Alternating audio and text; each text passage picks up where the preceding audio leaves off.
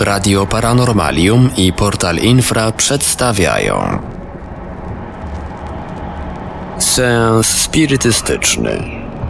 Wykłady o spirytyzmie Tomasza Grabarczyka. Witam na pierwszym wykładzie kursu spirytystycznego. Tematem tego wykładu jest historia spirytyzmu. Najpierw musimy rozróżnić właśnie spirytualizm, spirytyzm i materializm, ponieważ są to trzy różne terminy. I tak, spirytualizm odpowiada za wiarę, że w całym wszechświecie istnieje tylko i wyłącznie substancja duchowa, że z niej stworzone jest wszystko, że nie ma materii jako takiej, tylko wszystko jest jakąś tam substancją duchową.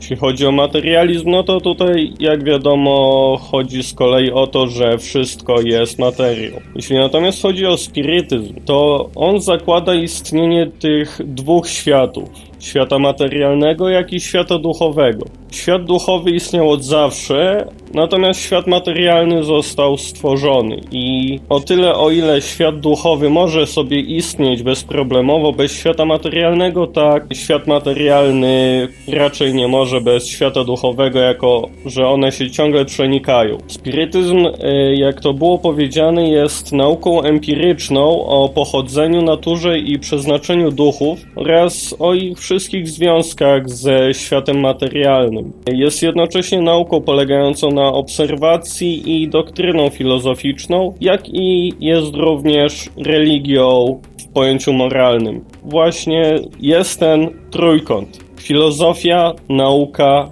religia. I to jest właśnie w tych trzech aspektach zawiera się cały spirytyzm. I tak, jakie są tak naprawdę dowody na istnienie tego świata duchowego, o którym to mówi spirytyzm. Otóż te dowody możemy już znaleźć u starożytnych Rzymian, Greków czy Egipcjan. Właśnie u nich znajdujemy dowody na interakcję obydwu światów. I tak, u Rzymian e, ich pierwotne wierzenia cechowały się wiarą w tak zwany numen, czyli bezosobowe bóstwo, właściwie to siłę, która przejawiała się w każdym zjawisku i zdarzeniu. E, Rzymianie również wierzyli w dalsze życie po śmierci oraz możliwość kontaktu żywych ze zmarłymi. Jeśli chodzi natomiast o Greków, to posiadali oni cały panteon bogów i bóstw, z których każdy odpowiadał za pewien aspekt y, rzeczywistości. Istniały też u nich bóstwa, które były bezpośrednio przypisane do miejsc, jacyś bogowie rzek, nimfy opiekujące się źródłami czy jaskiniami, y, również bóstwa troszczące się o groby, o groby zmarłych herosów. Najpotężniejsi według Greków bogowie przypisywani byli do największych części świata. I tak Posejdon był władcą wód, Zeus król bogów. Rządził całym lądem i niebem, zaś Hades światem podziemnym. Jeśli natomiast chodzi o Egipt, to Egipcjanie wierzyli, że człowiek składa się z trzech elementów. Pierwszym elementem było ciało, drugim było tak zwane ba, y, coś podobne do naszego potocznego rozumienia duszy oraz K, czyli takie niematerialne odbicie ciała, czy można by powiedzieć, że taki duch opiekuńczy człowieka. Yy, tak, Egipcjanie, tak samo jak Grecy, mieli wielu bogów i różnych bogiń. Największym i najważniejszym był bóg Re, był on bogiem tarczy słonecznej. Później y, Ozyrys, czyli bóstwo płodnej natury y, i świata zmarłych. Y, razem się uzupełniali, ponieważ właśnie pierwszy był od świata żywych, a Ozyrys od życia po śmierci. Był również jeszcze trzeci z tych najważniejszych, czyli Horus, był on bóstwem niebios i opiekunem faraonów, jako że faraoni, jak wiadomo, byli e, w Egipcie bardzo ważni. E, były również boginie jak Hator czy Izyda e, i Egipcjanie wierzyli, że odpowiedni bogowie trzymają pieczę nad ich miastami. Dowodem na ich wiarę może być również ta wiara w życie po śmierci. E, o niej będzie bardziej więcej mówione na kolejnych lekcjach, ale to ogólnie chodzi o właśnie te balsamowanie ciał faraonów, te całe ich grobowce i cały kult. E, jeśli chodzi o starożytność, to Platon i Sokrates e, również mówili o nieśmiertelności duszy. I tak Sokrates wspominał o jakimś niewidzialnym przyjacielu, E, przyjaciel ten nigdy nie otrzymał żadnego konkretnego imienia, jednak jak to mówił Sokrates, to był on takim darem danym mu przez bogów, takim przyjacielem, wewnętrznym głosem. Najpopularniejszym imieniem, pod którym on występował, ten niewidzialny przyjaciel, był Daimon. E, z kolei Platon, czyli uczeń Sokratesa, używał terminu daimones, pochodzącego od słów mądry czy wiedzący. Uważał owe daimony za jakiś rodzaj duchów oddzielonych od ludzi, otrzymywanych przez nich w dniu narodzin podążających za nimi w życiu i po śmierci, czyli coś jak, można powiedzieć, jak duch, duchy opiekunowie, anio, anioły jakieś opiekuńcze stróże. Te daimony były podzielone również na dwa typy. Eudaimony i kakodaimony, czyli po prostu na dobre i złe. Y, z kolei w czasach helistycznych, następnie w większości historii starożytnej Grecji, uważano, że daimony były siłą nie mającą początku w samym człowieku, ale czymś takim zewnętrznym, mogącym inspirować ludzi i ich prowadzić, e, tak jakby pętały ich duchem motywacji. E, również w Biblii odnajdujemy te dowody e, i tak Mojżesz ujrzał Boga, następnie zaczął słyszeć głosy, Jezus objawił się Elizeuszowi. E, również Jezus był odpowiedzialny za wygnanie wielu niedoskonałych duchów, które to oczywiście były nazwane demonami ze swoich zwolenników, a w dzień pięćdziesiętnicy na apostołów wstąpił Duch Święty, po czym zaczęli oni przemawiać w wielu językach. Jeśli chodzi natomiast o czasy bardziej współczesne, to tutaj y, możemy mówić o 31 marca 1848 roku, kiedy to w Hyattsville w Nowym Jorku zaczęły się pojawiać pewne dziwne manifestacje polegające na jakichś stukach, y, jakichś pukaniach, ruchach stolików. E, po raz pierwszy w USA pojawiły się one w wiejskim domu, gdzie mieszkała rodzina Foxów. E, siostry Fox zaczęły się wtedy komunikować e, z duchem domokrążcy Charlesem Rosnerem. Komunikaty w sensie uzyskiwanie tych komunikatów polegało na ruchach stołów i ich stukaniu. Y, ustalono tak zwany alfabet typologiczny, gdzie to każda litera alfabetu miała swoją liczbę uderzeń. Y, więc jeśli chodziło o, o literę A, to było jedno uderzenie, B2, C, C3 i tak dalej, i tak dalej i w taki sposób uzyskiwano całe komunikaty, jednak jak wiadomo było to czasochłonne i no trochę trudne. Yy, siostry Fox potem przyznały się, że rzekomo wszystkie zjawiska yy, zachodzące w ich obecności były dziełem nich samych i miały to robić poprzez te sztuki, miały yy, być wywoływane przez odpowiednie zginanie stawów, E, jednak to nie oznacza, że wszystkie, kompletnie wszystkie zjawiska właśnie w tej rodzinie były tym wywołane i również nie zmienia to następstw tego, co te zjawiska e, ze sobą pociągnęły, ponieważ doprowadziły do rozwinięcia się nowego ruchu, nazwanego nowoczesnym spirytualizmem oraz ogólne zainteresowanie e, zjawiskami ludzi nauki. I warto też wspomnieć, że nie tylko w Hydesville pojawiły się te zjawiska, miały one również miejsce w całej Europie, więc nie mogło być tak, że siostry Fox jakoś spreparowały to wszystko, to się pojawiało na całym świecie. I teraz przechodzimy do jednego z badaczy. Y, był nim Alan Kardec. Prawdziwe jego imię to Hippolyte Leon Denis Ardrivai. Przydomek ten, czyli Alan Kardec, został mu przekazany przez ducha Zefiro. Według tego, co mówił, y, ten duch mówił, Rivalium miał być w poprzednim życiu druidem o takim właśnie imieniu. Hippolyte Rivail urodził się 3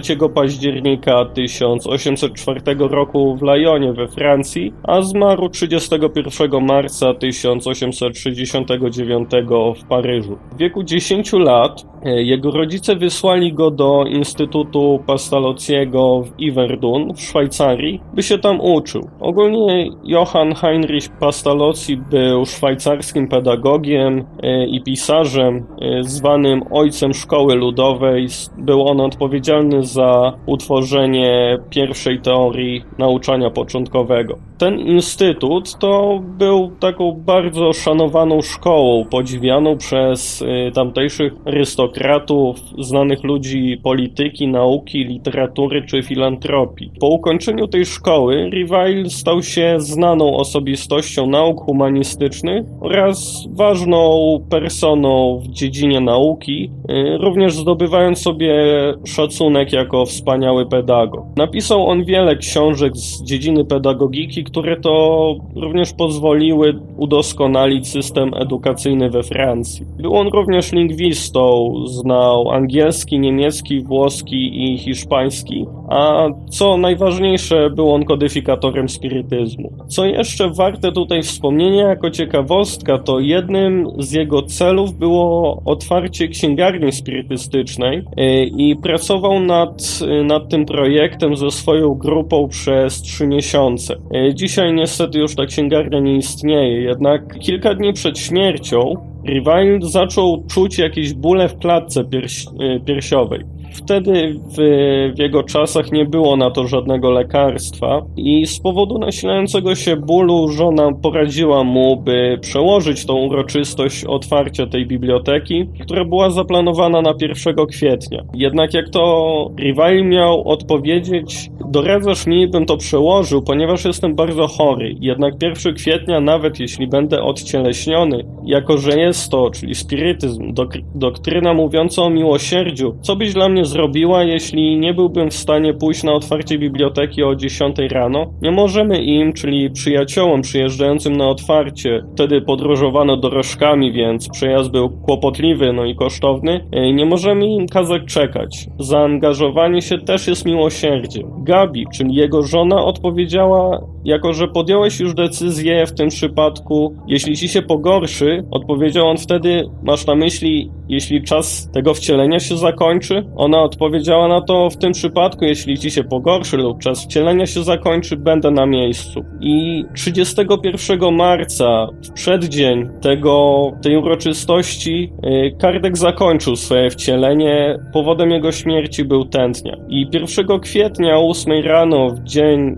po jego śmierci, jego żona pożegnała swojego męża i poszła wypełnić daną mu obietnicę. Na otwarciu nie uroniła ani jednej łzy. Oczywiście jej serce pękało, ale spełniła tę obietnicę, więc jak tutaj widzimy, w tej doktrynie nawet śmierć nie przeszkodzi wypełnić tego, co mamy w planach. Jednak jak to się tak naprawdę stało, że Kardek pedagog, szanowany pedagog, y, został kodyfikatorem spirytyzmu. Otóż w 1854 roku przyjaciel Rivaila, pan Fortier, powiedział mu o zjawiskach tańczących stolików. Ogólnie to, te zjawiska były bardzo popularne w ówczesnej Francji, y, no i ogólnie na całym świecie, do tego nawet stopnia, że y, tworzyły się całe grupy jakichś przyjaciół, którzy to się spotykali w danym dniu, o danej godzinie, żeby czekać na jakieś właśnie ruchy stolików i tym podobne rzeczy.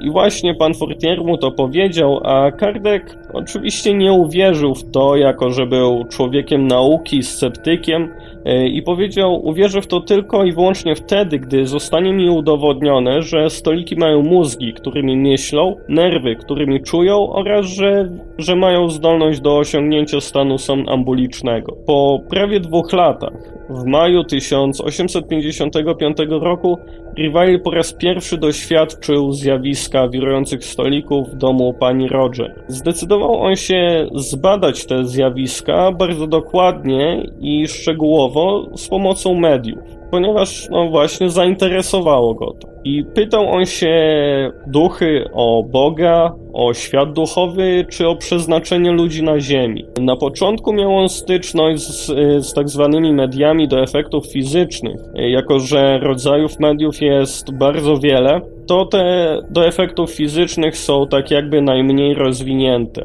I to właśnie one odpowiadały za ruchy stolików te pukania, stukania i tym podobne rzeczy.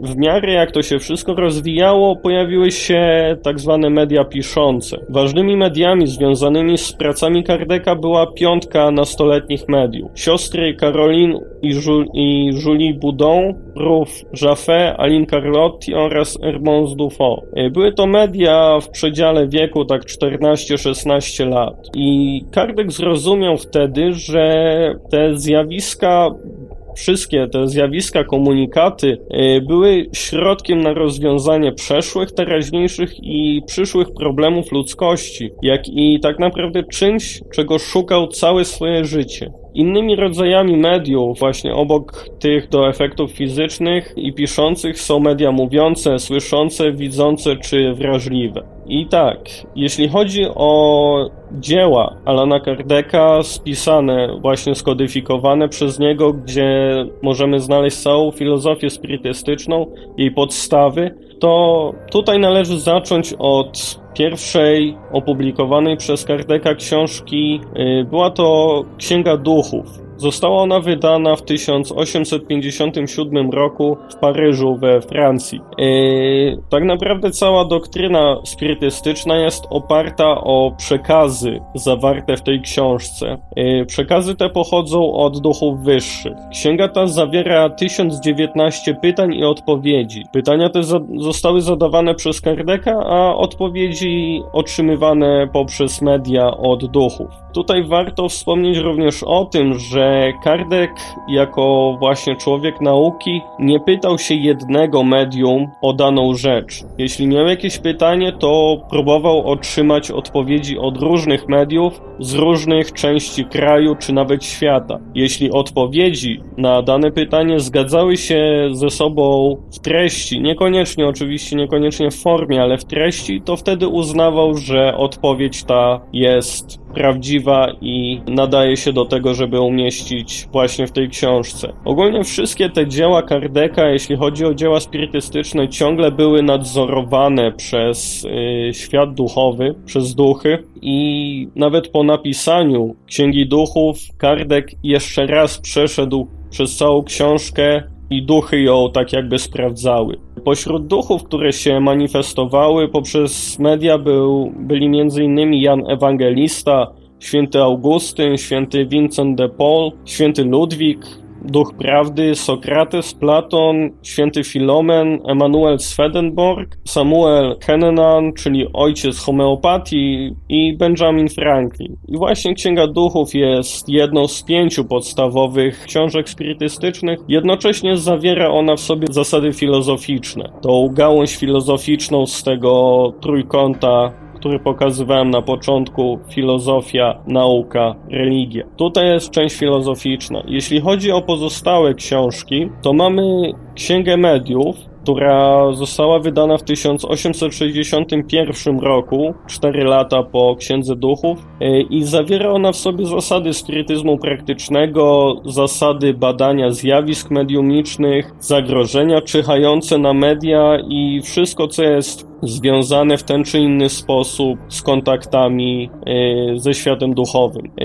jest to jednocześnie część naukowa spirytyzmu, ta można powiedzieć doświadczalna. Trzecią książką jest Ewangelia według spirytyzmu, która została wydana w 1864 roku. E, I tutaj znajdziemy wyjaśnienie nauk zawartych w Biblii, tak naprawdę porady, jak powinniśmy żyć, żeby być szczęśliwymi, Ogólnie no wszystko, co, co na pewno polepszy nasze życie i jest to część moralna spirytyzmu, czyli ta religijna. Kolejną, czwartą książką jest Niebo i Piekło według spirytyzmu, gdzie możemy odnaleźć opisy nieba, opisy piekła, zarówno, znaczy porównanie jest, jeśli chodzi o wizję nieba i piekła pogańskiego, katolickiego i spirytystycznego. Tutaj od razu powiem, że niebo i piekło, z tego co mówi spirytyzm, to nie są żadne fizyczne miejsca, tylko to są stany duszy.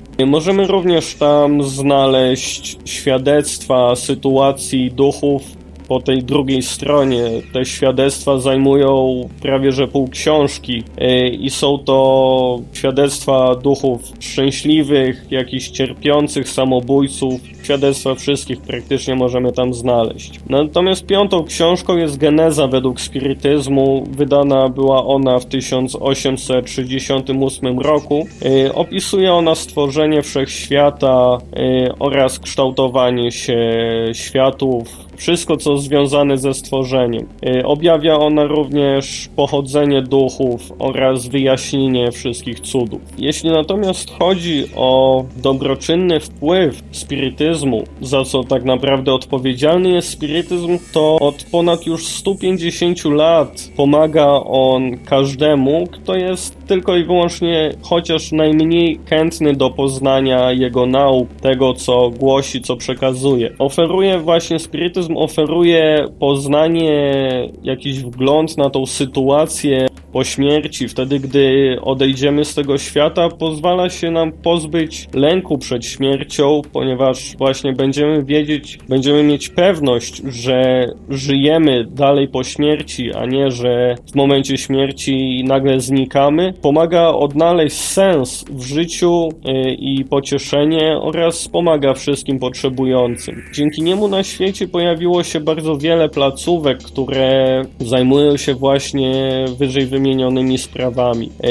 jedną z takich e, placówek, naprawdę dużą, jest Mansão do Caminho, czyli Dom Drogi. Jest to organizacja założona przez Divaldo Franco. Jest to wspaniałe medium i mówca spirytystyczny. E, podróżuje on praktycznie 200 dni w roku, objeżdżając cały świat e, ze swoimi wspaniałymi wykładami. Również Polskę już odwiedził kilka razy. Jeśli chodzi o tą jego mediumiczną stronę, to napisał on już ponad 200 książek metodą psychografii. Jeśli natomiast chodzi o Dom Drogi, to w ośrodku tym każdy potrzebujący może y, otrzymać bezpłatną pomoc Chodzi tu zarówno o pomoc materialną, jak i duchową. E, są tam domy, szkoły, szpitale. E, ośrodek ten utrzymuje się z dotacji mieszkańców oraz władz miasta, jednak głównym źródłem utrzymania jest zysk ze sprzedaży książek spisanych przez Vivaldo, jako że on nic dla siebie nie bierze. E, tutaj jeszcze muszę wspomnieć o tym, że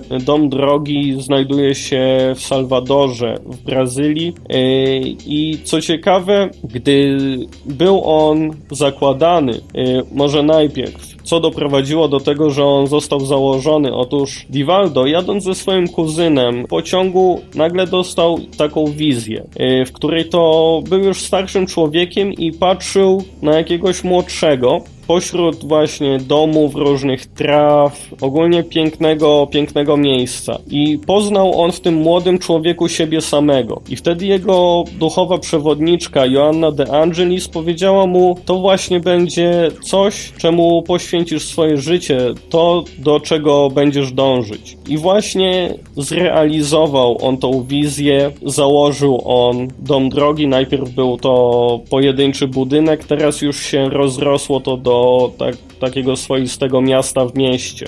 Y, I właśnie, na początku, gdy zakładał on ten dom drogi, to w Salwadorze dochodziło do jednego morderstwa dziennie. Po tym, jak on, został on założony, te morderstwa praktycznie już ustały, bo właśnie ludzie mogą uzyskać bezpłatną pomoc. Y, inną sprawą jest również to, że jak wspominałem, jest, jest tam szpital i ogólnie rzecz biorąc w Brazylii opieka medyczna jest dosyć droga, natomiast y, jeśli chodzi o porody, to tylko i wyłącznie dla najbogatszych jeśli chodzi o szpitale. I właśnie wiele młodych mam znalazło tam tą pomoc, jeśli chodzi o przyjęcie dziecka na świat, y, właśnie w domu drogi, bo szły one tam i dostawały tą pomoc. Więc jest to niewątpliwie ważne miejsce na mapie świata i ważne dla tych ludzi. Warto również wspomnieć o wspaniałym człowieku i medium, jakim był Chico Xavier.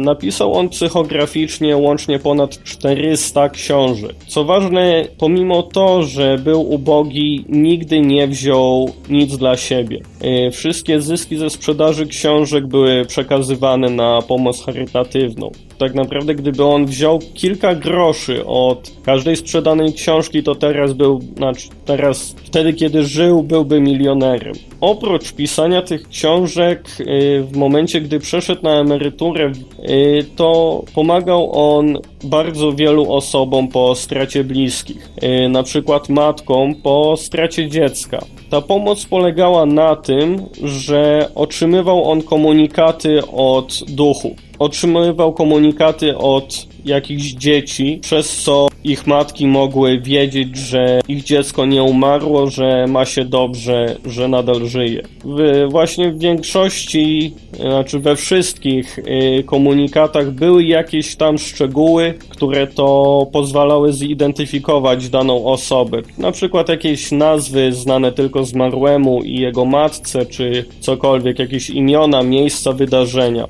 Oczywiście robił on to wszystko całkowicie charytatywnie. Co ciekawe, zawsze gdy pisał on jakiś komunikat, y, upierał się, by na koniec tego zebrania sam mógł czytać wszystkie komunikaty. Chociaż był osłabiony, to chciał czytać. Jeśli natomiast chodzi o tą uniwersalność nauk spirytystycznych, y, to nauki właśnie są w jakiś tam sposób uniwersalne, ponieważ są przekazywane i były i będą na każdym miejscu na Ziemi poprzez wiele różnych mediów. Nie zależą one w żadnym wypadku od jednej osoby, która to mogłaby sobie czy innym wmówić, że przekazy otrzymane przez niego pochodzą od duchów, a nie od niej samej. Nie mają one również żadnej narodowości. Są dla każdego, nieważne kim jest. Nieważne skąd pochodzi, jaka jest jego sytuacja społeczna, są po prostu dla wszystkich. Nie są również związane z żadnym kultem czy jakąkolwiek religią. Są, są tylko dopełnieniem. Same duchy mówiły, że warto być członkiem jakiejś religii, o ile tylko przedstawia ona humanitarne wartości, y, a spirytyzm traktować jako dopełnienie tej religii.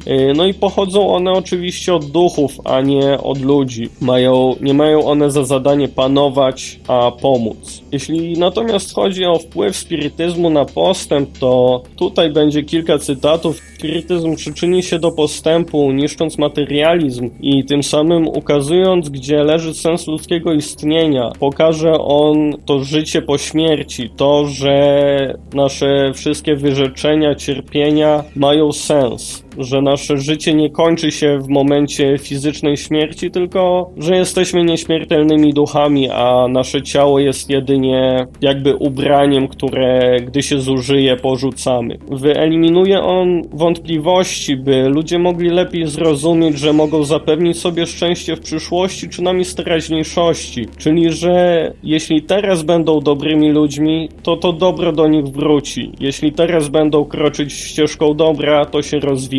Niszcząc przesądy religii, klasy społeczne, podział na rasy, spirytyzm daje ludziom wspaniałą lekcję solidarności, która pewnego dnia zjednoczy ich jako braci. Najprościej mówiąc, wszyscy jesteśmy ludźmi. Nieważne kim jesteśmy, wszyscy jesteśmy ludźmi. Natomiast głównym celem spirytyzmu jest pomóc ludzkości w moralnym i intelektualnym rozwoju. Była to audycja Seans Spirytystyczny. Wykłady o spirytyzmie Tomasza Grabarczyka. Archiwalne odcinki znajdziesz w archiwum Radia Paranormalium na www.radioparanormalium.pl Produkcja i realizacja Portal Infra www.infra.org.pl